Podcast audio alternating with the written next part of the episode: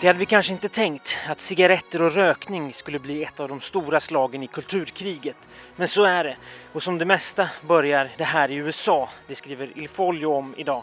Efter att Republikanerna återtagit makten i representanthuset och Kevin McCarthy utsätts till talman så är det numera återigen tillåtet för ledamöterna att röka cigaretter, cigarrer eller att vejpa på sina kontor i kongressen. Det här går såklart tvärt de senaste årens åtgärder från Demokraterna för att få ner rökningen i landet. Biden-administrationen har tidigare sagt att de skulle vilja förbjuda cigaretter med mentol och kraftigt minska den tillåtna nikotinhalten i vanliga cigaretter för att på så sätt göra dem mindre beroendeframkallande.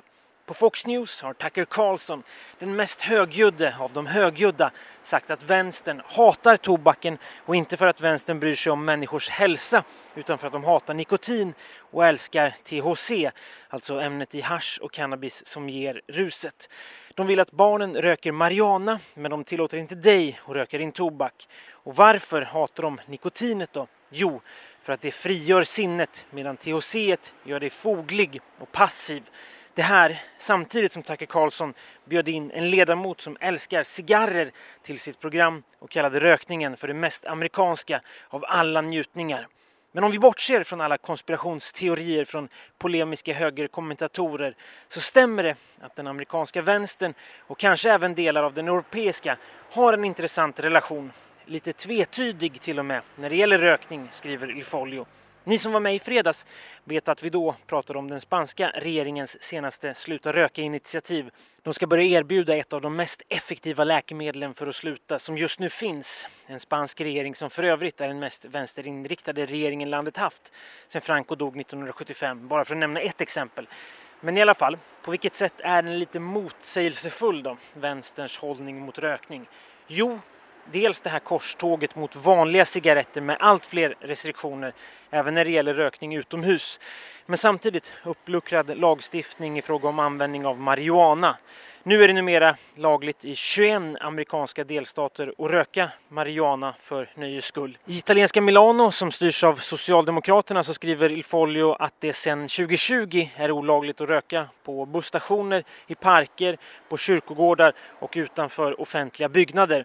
Det här måste måste vara en av Italiens mest progressiva lagstiftningar när det gäller rökning, eh, där en av fyra ju röker här i Italien.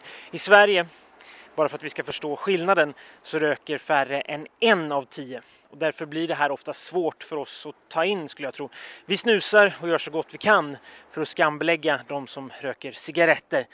Men om den här utvecklingen fortsätter, skriver Lifolio, i Italien och i USA då kommer vi snart att behöva gömma våra nikotincigaretter i cannabis joints eller marijuana-spliffar. Så kan det vara. Kulturkriget fortsätter alltså, precis som tidningskrönikan Cominciamo. Voglio vederti danzare come le zingare del deserto con candelabri in testa Oh come le balinesi nei giorni di festa det är måndagen den 6 februari. God morgon säger jag, Filip Jakobsson. Och även idag står jag utanför lägenheten i Rom eftersom två argentinska vänner har lånat sängen där jag normalt sitter under täcket och bandar. Vi börjar med ett litet breakingläge från sydöstra Turkiet. När ni lyssnar på det här så vet ni säkert redan mer än jag vet nu klockan sju på morgonen. Men det handlar om ett jordskalv som inträffade runt klockan fyra på morgonen lokal tid. Dödssiffran just nu är 76 i Turkiet och runt 50 i Syrien och med flera hundra skadade så kan vi nog tyvärr räkna med att den här siffran stiger. Årets bästa latinska album på nattens Grammisgala i USA blev spanska Rosalias platta Motomami. Det här är andra gången som nu 30-åriga Rosalia från Katalonien vinner det här priset, skriver El Mundo. Hon vann det även 2020 för plattan El Mal Querer. För den som vill se Rosalia i sommar blir det spelningar i Frankrike, Spanien, Portugal och Italien.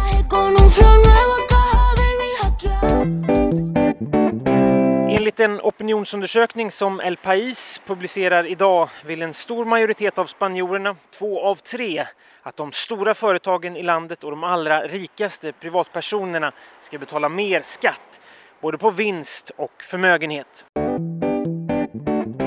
Jag måste säga att det är lite gulligt hur den italienska högerpressen just nu gottar sig åt berömmet som strömmar in från delar av den europeiska pressen när det gäller de första månaderna av Giorgia Melonis regering. I förra veckan var det The Economist som hyllade Meloni och i helgen kallade brittiska The Times henne för EUs mest populära ledare.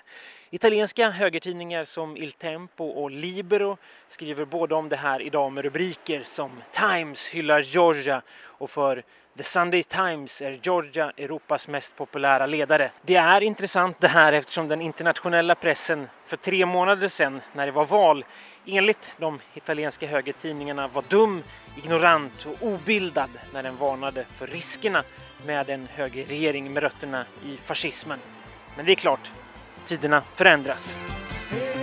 Radio Tirana trasmette musiche balcaniche mentre danzatori bulgari a piedi nudi sui bracieri ardenti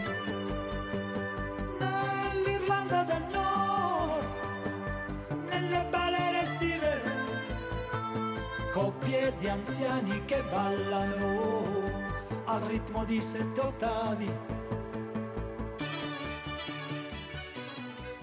Det var allt från Tidningskrönikan för idag. Vi hörs igen imorgon. Ha nu en riktigt bra dag.